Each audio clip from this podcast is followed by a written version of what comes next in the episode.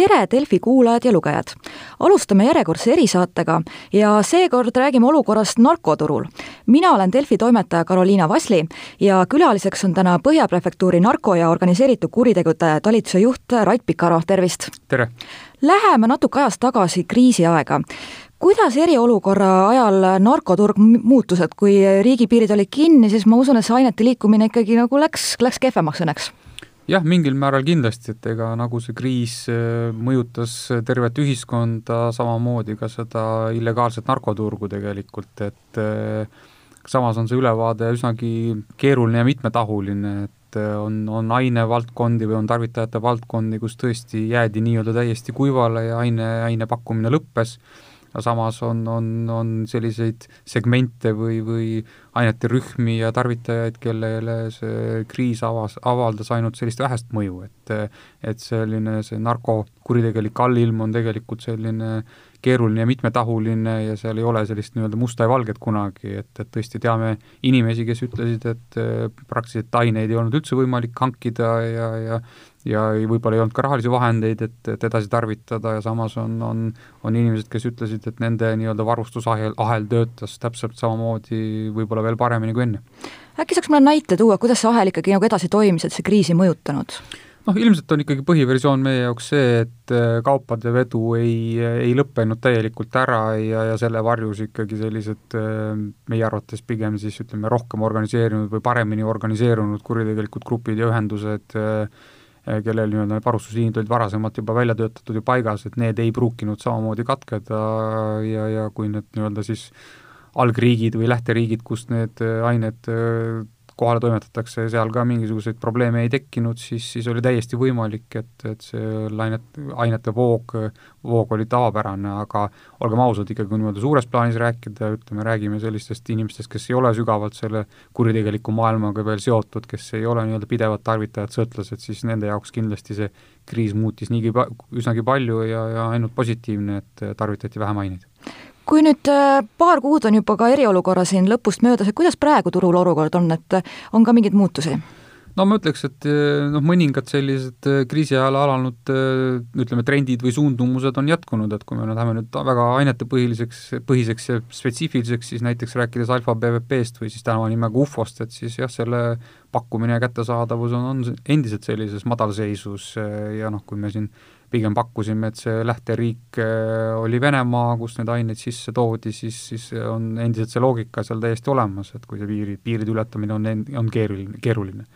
ja, ja samamoodi, kui me räägime nüüd fentanüülidest, siis ikkagi seal tõesti nüüd äh, see nii-öelda madalseis või pakkumine, pakkumise vähesus on, on jätkunud mitme aasta jooksul, aga see kindlasti ei tähenda, see ei tule nii-öelda iseenesest, see on ikkagi sellise õiguskaitseorganite järjepideva töö tulemus ja, ja see taht, tahe erinevaid aineid siia, uimastavaid aineid siia turule tagasi tuua, on, on pidevalt olemas, et see on selline pidev tegevus, aga aga samas, kui me räägime siin näiteks äh, nii-öelda kanepi,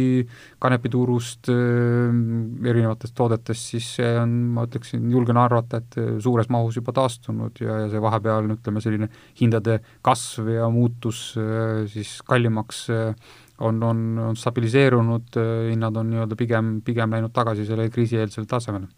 ma siin ERR-ist lugesin, et äh, fentanüül on siis pead tõstmas või on see natuke ülepaisutatud hinnang? ei, eks seda fentanüüli tuleb tegelikult, ma ütleksin, karta kogu aeg, et, et äh, ta on tappev aine, ülimürgine aine ja, ja seda tarvitatakse nii-öelda väga ohtlikul viisil, enamasti nii-öelda otse, otse veeni süstides ja, ja, ja noh, selle tarvitamise tagajärg iga kord võib olla surm, et, et, et selles mõttes tasub selles suhtes olla kindlasti, kindlasti ettevaatlik ja ja nagu ma enne mainisin, tegelikult see kuritegelik ambitsioon äh, on täiesti olemas, sest see tarvitajate nii-öelda inim-, need inimesed on endiselt äh, olemas äh, ja, ja nende, mitte kõik ei ole pöördunud ravile, mitte kõiki ei rahulda mingisugused muud aineid, et, et kui, kui see pakkumine nii-öelda taastuks, siis kindlasti väga paljud läheksid tagasi ja, ja oleksid valmis neid, neid kurjategijaid siis jälle nii-öelda rahaliselt nii-öelda aitama ja oma kõik oma viimased rahad sinna ära viima, et ainult saaks oma sõltuvust rahuldada, et, et kindlasti fentanüüli nii-öelda liigub ta kindlasti ei ole samas mahus, mis ütleme näiteks kolm aastat tagasi, neli aastat tagasi, aga see ongi, nagu ma enne ütlesin ka, sellise, seal, see peab olema pidevas nii-öelda järjepidevalt fookuses, et ta ei taastuks, sest ma arvan, et kui see, kui see nii-öelda massiliseks läheks ja kontrolli alt väljuks nii-öelda, siis, siis see võib muutuda täpselt samasuguseks probleemiks, kus sajad inimeseks, sajad inimesed aastas surid kuidas praegu üldse sellel narkoturul, et me oleme meedias ka palju lugenud, et kuidas igasugu grupeeringuid on ka tabatud aastate jooksul, et kas praegu on siis pigem sellised väiksed arvud või mingit sellist suuremat üldist ei ole, et kindlasti on, on suuremad ka olemas ja, ja loodetavasti on need ka kõik eh, enamuses politseile teada ja seal ka nii-öelda töö käib, et et, et aga nii, nagu ma mainisin, see see narkoturg on või narkomaailm, see allilm ongi selline mitmetahuline ja samamoodi nagu ühes otsas on siis tõesti äh, nii-öelda siis kõrgelt organiseeritud kuritegelikud ühendused, kellel on siin varustusliinid üle, üle maailma ja üle Euroopa, siis seal vahepeal jääb selliseid, selliseid omal käel tegutsejaid ja teise otsa moodustavad siis näiteks siis juba näiteks tarkveebist tellijad ja noored inimesed, kes nii-öelda ei oma veel kuritegelikku kogemust, aga juba, juba on otsustanud oma elu siis raisata siis selle, selle narko, narko maailmas ringlemise peale nii-öelda, et, et noh, see on hästi, hästi palju ja erinevaid võimalusi ja, ja samamoodi ka nagu tarvitajateni jõudes, et, et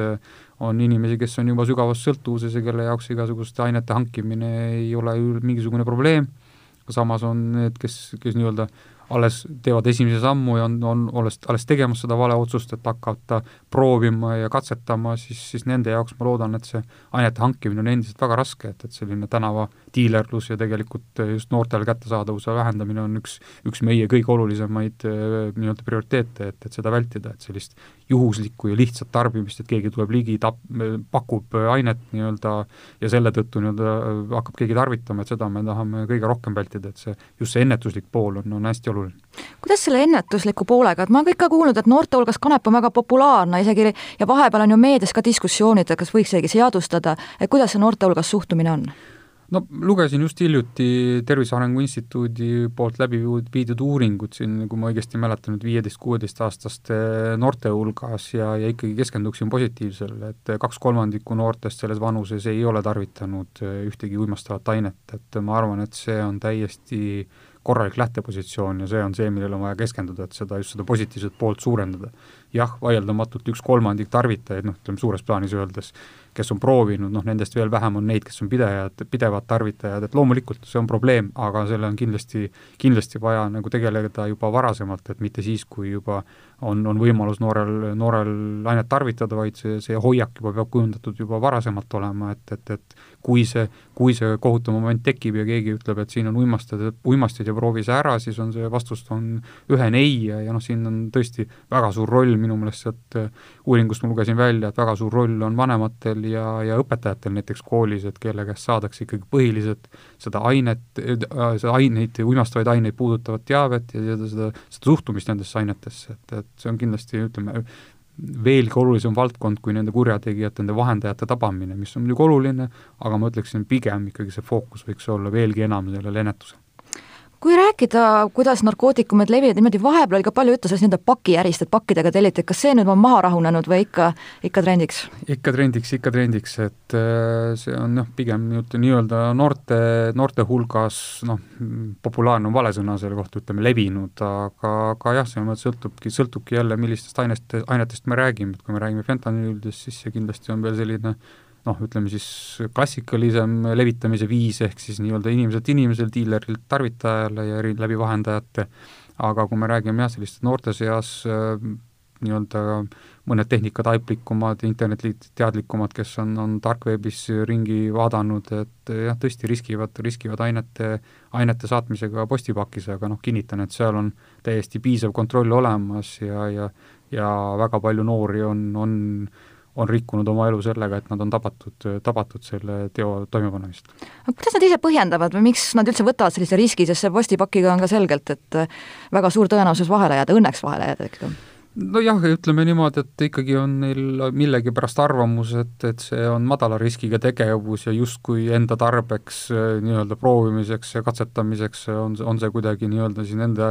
noh, arvates kuidagi, kuidagi mõistlik tegevus või turvaline tegevus, et, et olgem ausad, see tark veebimüüjad ju meelitavad seal erinevate mingisuguste, ma ei tea, allahindluste ja, ja ma ei tea, lisa, lisatoodetega, et üritavad ka oma, oma haaret siis nende, nende noorte üle kogu aeg laiendada ja seda kuidagi atrak-, atraktiivsemaks seda tellimist teha, et et noh, seal on, on, on selline noortele suunatud, ma ütleksin niimoodi, kampaaniad ja või sellised tegevused, et, et sinna, sinna kui sinna lõksu rang-, langeda, siis ja, ja kui tõesti nüüd see pakk on, ma ei tea, sõbral või kellelgi läbi tulnud, siis ja, ja, noh, imekombel ja ja kohe pole nii-öelda kedagi kinni püütud, siis siis võib-olla noh, jääb selline petlik mulje, et, et, et see nii-öelda see tegevus võiks olla kuidagi jätkusuutlik või ohutu või noh, nii-öelda siis mitte vahe, mitte vaheljäämist nii-öelda, mille, mitte vahelejäämisega päädib, aga, aga kindlasti ei see vasta, vasta see tõele, sest need, see on väga palju, palju igas, igal aastal tabatud noori inimesi, kes, kes alles tagantjärgi mõistavad, et kui, kui naiivne see arvamus oli.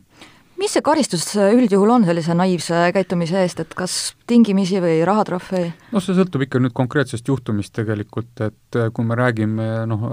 ka noortemat, noorematest inimestest, kes siin on võib-olla varem karistamata olnud, aga kes on juba ikka väga, väga suurtes kogustes aineid käidelnud, siis on see ka reaalse vangistusega pääs-, päädinud, aga kindlasti on, on siin ka muid variante, et ega ega ei ole ju kellegi, kellegi eesmärk noore inimese elu lõplikult ära rikkuda, aga selge on see, et see, see karistus vastab selle, selle teo raskusastmele, et mida kauem, mida suuremaid koguseid ja mida rohkem inimesi näiteks tuttavatele edasiandmine on iga kord kuritegu, ka väikeses koguses aine edasiandmine on igakordne kuritegu, et, et kui seda on ikka tehtud pika aja jooksul ja mürgitatud väga paljusid inimesed, siis loomulikult, et siin väga suurt leebust ei ole ka mõistlik oodata mina kui inimene, kes narkootikumidega kokku ei puutu, siin rääkisime fentanüülist, aga mis ained praegu veel on, ütlesite, et see ufo, see on nagu enam-vähem kadunud praegu õnneks, jah? no praeguseks seisuks jah, aga samamoodi, et eks eh, vahepeal siin enne, enne kriisi ikkagi oli ka kanda kinnitamas ja oli sellist ohtlikul, ohtlikus ulatuses juba popula-, populaarsust ka, nii-öelda kogumas siis tarvitajate hulgas, noh, nii-öelda jutumärkides siis populaarsust, et, et et põhjustas ka, ka selliseid negatiivseid tervisetagajärgi juba aga noh, kindlasti nagu ikka üle Euroopa kõige rohkem tarvitatav aine on ikkagi kanep ja selle, selle tooted ja sealt edasi juba siis amfetamiinid, kokaiinid, MDMA ehk ekstasi ja nii edasi, et, et seal see, see, mida tarvitatakse, see, see on, on väga lai kui küsida üldse, et äh, nagu ma enne ka viitasin, et siin igasugu grupeeringud on tabatud, kui võtame kas või viis aastat tagasi aja ja praeguse turu, et kui palju see nagu on paremaks läinud olukord? No ma ütlen, et kui nüüd viit aastat, viis aastat tagasi vaadata, siis kindlasti siin on märksõna fentanüül, et kui me räägime nüüd nüüd tõesti kaks tuhat seitseteist toimunud äh, fentanüüli tippude äh, tabamisest, mida Keskkriminaalpolitsei vedas, et see on nüüd väga konkreetne näide sellisest edust äh, narkootikumide vastases sõjas, et või võitluses, et et see on kindlasti nagu suurim märksõna, kui me räägime viie aasta, võrdlusest viie aasta, viie aasta taguse ajaga. ja selle võrra loomulikult, kui on, kui on fentanüüli kahjusid vähem, kui fentanüüli äh, nii-öelda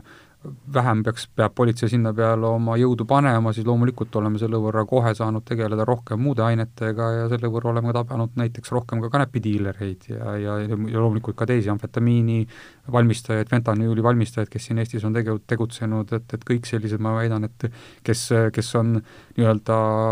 uimastiturul, ebaseaduslikul turul nii-öelda pead tõstnud, et need on ka nii-öelda siis jooksvalt, jooksvalt ka kinni peetud ja et et vahel mõnega läheb kauem aega, mõnega saab, läheb kiiremini, et, et, et noh, selline see, see pidev protsess on, aga noh, nagu ma ütlesin, see on ainult üks osa sellisest kolmest, kolmest sambast, mis on, et, et üks on see nii-öelda siis õiguskaitseorganite poolne äh, nii-öelda pakkumise vähendamine, teine pool on see, et me et me, me tegeleme ikkagi nende noortega, et nad üldse ei, ei tekitakski seda tuleviku nii-öelda noh, jutu, jutumärkides turgu, et üldse ei olekski huvi tarvitada ja loomulikult kolmas pool on, millega tegeleb tugevalt Tervise Arengu Instituut, on siis juba, juba sõltuvuses olevate inimeste abistamine, et, et siis neid ikkagi võimalikult palju ikkagi tagasi tuua, tuua nii-öelda meie hulka ja, ja saada lahti sellest pahest ma oletan, et narkosurmade arv meil on ikka järk-järgult vähenenud või kuidas sellega? mitte lausa järk-järgult, aga ta on ikka väga tugevalt äh, vähenenud, et ütlen peast, et siin võib-olla tõesti üks kolm-neli aastat tagasi oli meil üle, üle saja narkosurma siis äh, aastas, siis juba eelmine aasta me jõudsime sinna kahekümne-kolmekümne vahele ja, ja sel aastal oleme noh, veelgi, veelgi hetkel veelgi väiksemas trendis liikumas, et, et, et selles mõttes noh, ma loodan väga, et see ei muutu, sest tegelikult on vaja ainult ühte, ühte sellist mürgist ainepartiid, mis, mis võib, võib jälle väga suurt kahju tekitada ja inimesi tappa, et, et, et selles mõttes tulebki olla kogu aeg valvel. loodame, et positiivsed trendid jätkuvad ja jõudu-jaksu ka ennetustööga ja aitäh tulemast! aitäh teile! Thank you.